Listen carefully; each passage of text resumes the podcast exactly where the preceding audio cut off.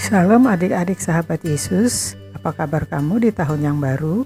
Semoga adik-adik selalu sehat dan penuh sukacita ya.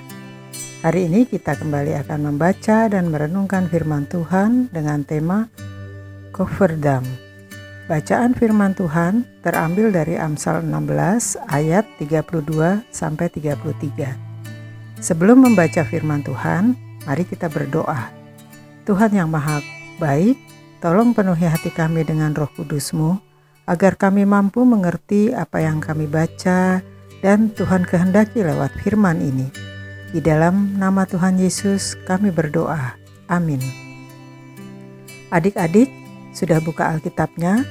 Mari kita baca firman Tuhan dari Amsal 16 ayat 32 sampai 33. Mari kita baca bersama-sama ya. Orang yang sabar melebihi seorang pahlawan Orang yang menguasai dirinya melebihi orang yang merebut kota. Undi dibuang di pangkuan, tetapi setiap keputusannya berasal daripada Tuhan. Demikian pembacaan firman kita hari ini.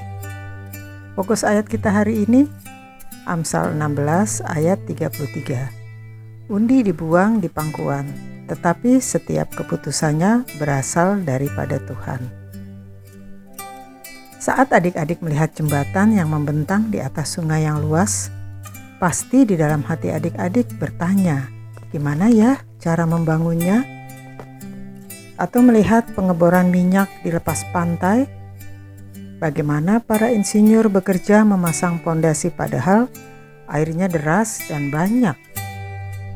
Nah adik-adik, ternyata cover dam yang biasa disebut bendungan kecil sengaja dibuat untuk membangun struktur atau pondasi jembatan. Cara kerjanya adalah dengan memompa keluar semua air di dalam cover dam sampai kering, sehingga para pekerja dapat bekerja seperti bekerja di daratan kering. Cover dam ini walaupun kecil namun harus kuat dan diletakkan sedemikian rupa agar tidak longsor atau terendam air lagi. Setelah pekerjaan di dalam cover dam selesai, bangunan itu kemudian dibongkar. Wah, ternyata hebat sekali ya cover dam ini. Walaupun bendungan ini kecil, ternyata sangat kuat. Adik-adik, ibaratnya seperti jembatan yang melintang di atas sungai yang deras, kehidupan kita juga harus mempunyai dasar iman yang kuat agar tidak mudah roboh saat digoda oleh derasnya godaan-godaan duniawi. Kita harus mempunyai cover dam yang bisa melindungi kita dan membangun iman yang kuat. Kita harus kuat seperti Tuhan Yesus yang kuat dan bisa menang dari pencobaan iblis.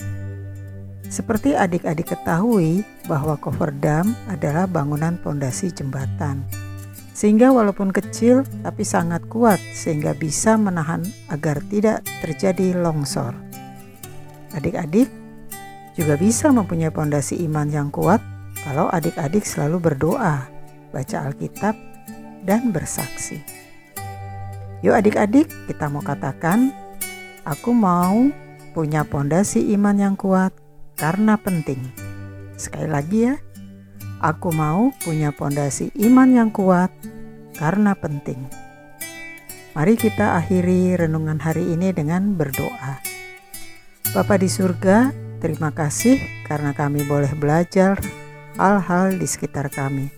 Bantu kami agar bisa mempunyai iman yang kokoh dan kuat seperti jembatan di atas sungai besar atau tempat pengeboran minyak lepas pantai.